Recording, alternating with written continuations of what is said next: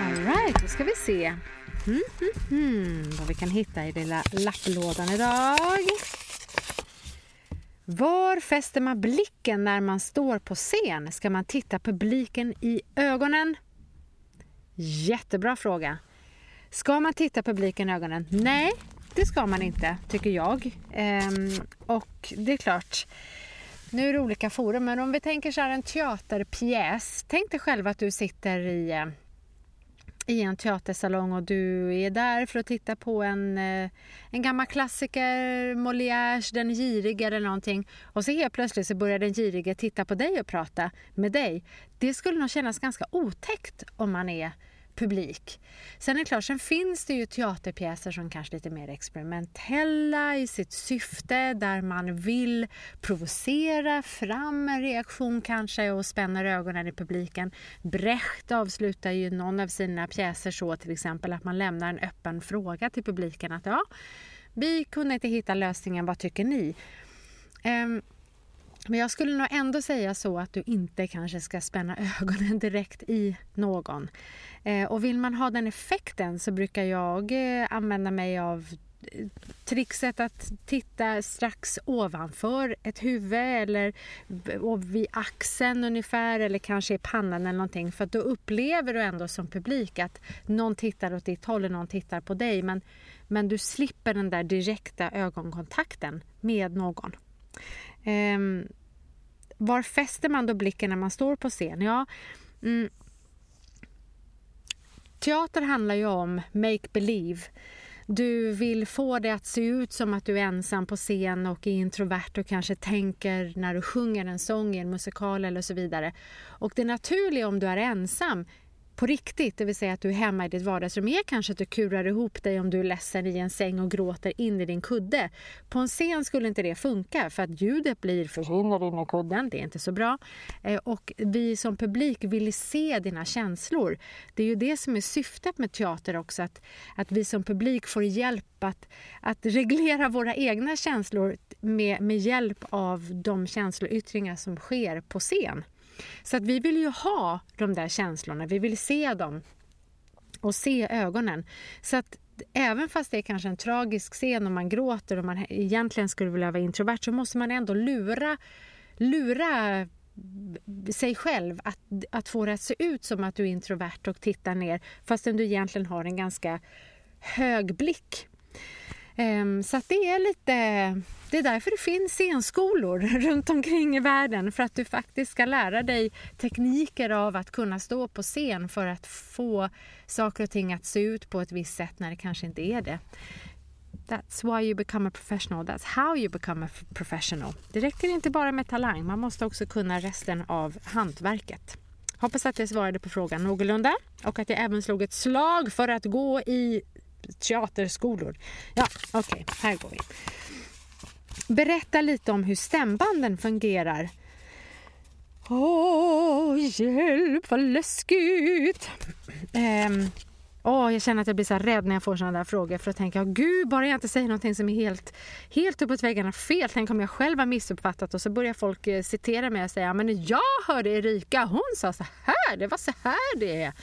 Så därför tänker inte jag säga så mycket. Men generellt kan man säga så här att stämbanden är formade som ett V eh, när de öppnar ungefär. Och det, de är, det, är just, det är ju muskler och muskulatur runt omkring det där och det är ju liksom slemhinnor och det är ju inget band så som man tänker sig ett träningsband som man kan dra i och så. Men, men de, när, när luften kommer underifrån så börjar de här, och man ljudar också, så här, uh, till exempel nu ljudar jag luft som strömmar upp från min mage och lungor och allting.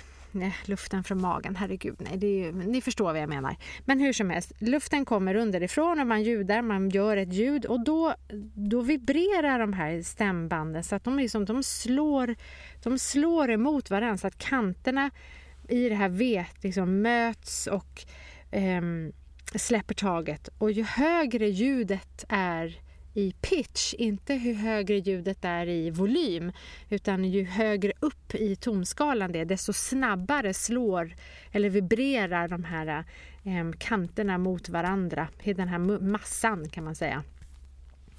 Stämläpparna. Eh, man kan se det som nästan som läppar som, som möts så här. Så det är lite generellt om hur stämbanden fungerar. Och vill man fördjupa sig i det, då rekommenderar jag att man läser eh, kanske en mer eh, medicinsk eh, artikel eller så, eller går till en logoped eller en, en ehm, legitimerad sångpedagog eller så. Ja, då tar vi nästa lapp. Um, Jaha, du är en tysk som läser upp Shakespeares To be or not to be, that's the question. Vänd, står det sen. Jaha. And this I suppose I am meant to be German, ja, alles gut. Uh, jag är inte så bra på den tyska dialekten men vi försöker, okej. Okay. Och jag låter genast väldigt mycket mer aggressiv än vad jag gör på svenska. Okej, okay. To be or not to be, that is the question.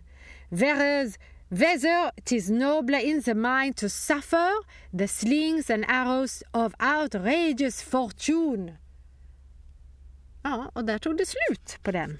Ja, hoppas att det gläd, glä, gladde den personen som ville att jag skulle läsa på tysken. Ja.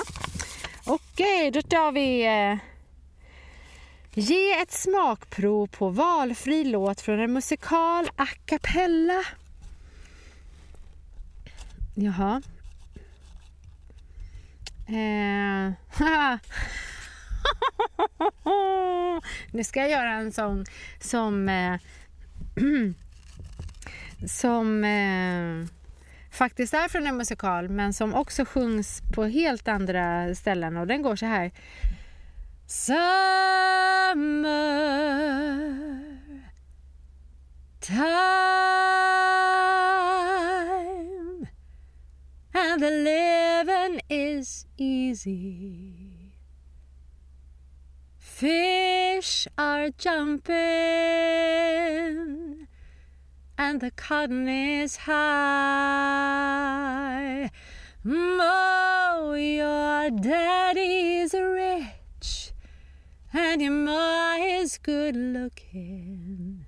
So hush, little baby, don't you cry.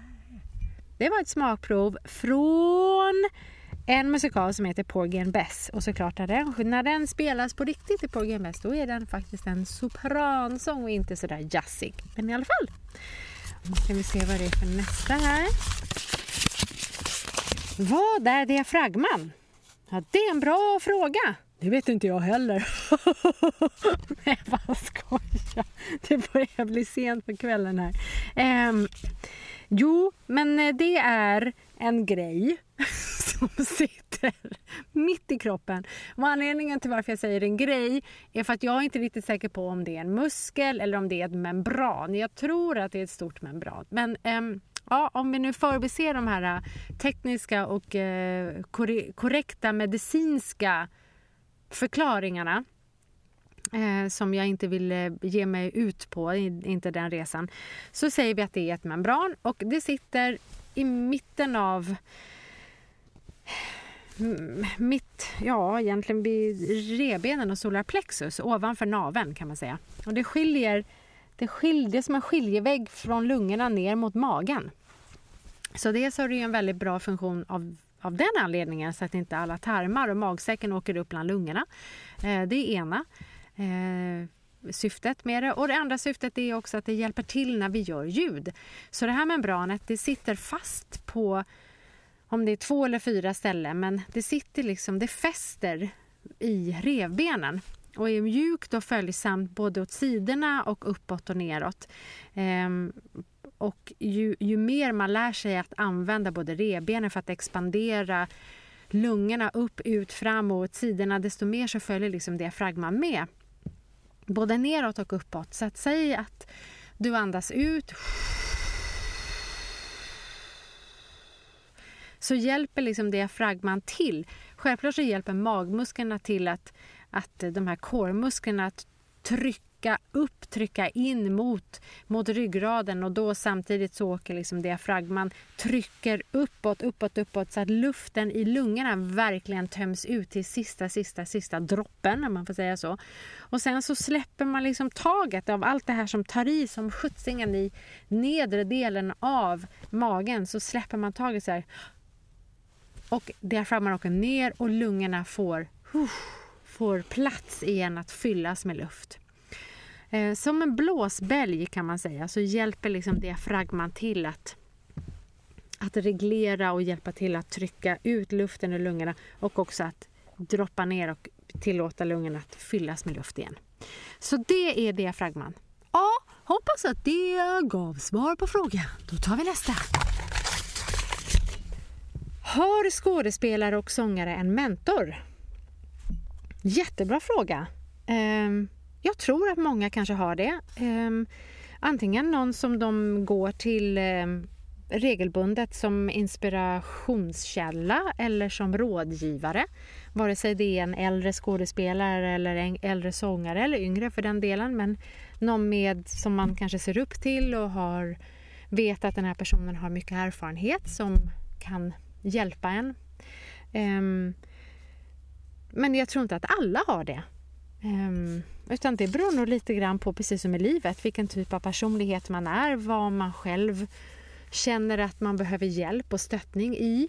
Det finns ju skådespelare som, och sångare också för den delen som inte alls vill gå till sångpedagoger eller, eller teaterpedagoger för att de känner att de tappar bort sin egen instinkt för mycket och vill förlita sig mer på sin egen instinkt. Så att alla får hitta sin egen väg helt enkelt. Eh, jag har just nu ingen mentor, eh, vare sig inom skådespeleriet eller sången, men däremot har jag en fantastisk sångpedagog som jag går till och hon blir också lite av en mentor faktiskt. Så att, ja, där har vi det. Alright, nu tar vi nästa fråga. Ja, ja. Du är en spansk farbror som läser Tomten av Viktor Rydberg. Åh, oh, detta med spanskt, då tänker jag bara på Alejandro, Alejandro som ni vet som, eh, som sitter och pysslar med sina pärmar på Youtube. Okej, okay. midvinternattens köld är hård, stjärnorna gnistrar och glimma, alla sova i enslig gård, djupt under midnattstimma. Månen vandrar sin tysta ban, snön lyser vit på fur och gran, snön lyser vit på taken, endast tomten är vaken. Tack. Och nu till kvällens sista fråga. Hur går en teaterkyss till? Man kysser varandra på riktigt med massor av tunga och slem. Nej, inte riktigt. Som allting med teater så är det make believe. Så Ungefär sådär som man höll på kanske när, eh, när vi var små, innan vi hade börjat pussas och kramas. Eh, men var, började bli lite nyfikna på hur det där egentligen skulle gå till. Säg att man var lite förtjust kanske in i pojken i klassen eller sådär och fantiserade på hur man skulle göra. Så är det ungefär som du tänker dig att du står och pussar på din hand eh, fast du inte liksom använder tunga. Så det är väldigt mycket mycket käkrörelser och Eh, allting runt omkring i ansiktet som får det att se ut som att du kysser någon med en tunga. Men det gör du inte. Du, eh, det ska vara väldigt eh, kyskt faktiskt på teatern, eh, på scen. För som sagt var, det är kanske inte så, så spännande för en, eh, för en teaterpublik att gå och se två personer hångla på riktigt på scen. Och är det det man är intresserad av då har man nog valt kanske fel salong om man hamnar på en teatersalong. Då bör man, be, då bör man bege sig kanske lite mer till eh, du vet, the red light districts. Eh, om det är den typen av show man vill se. För där är det nog inte kanske så mycket make believe utan där händer det kanske lite mer på riktigt. Om det är det man vill ha, eh, ja, men det var allt. Det var alla lappar som jag hade.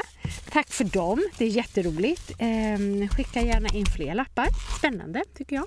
Alright, det var allt för idag. Tusen tack, hej!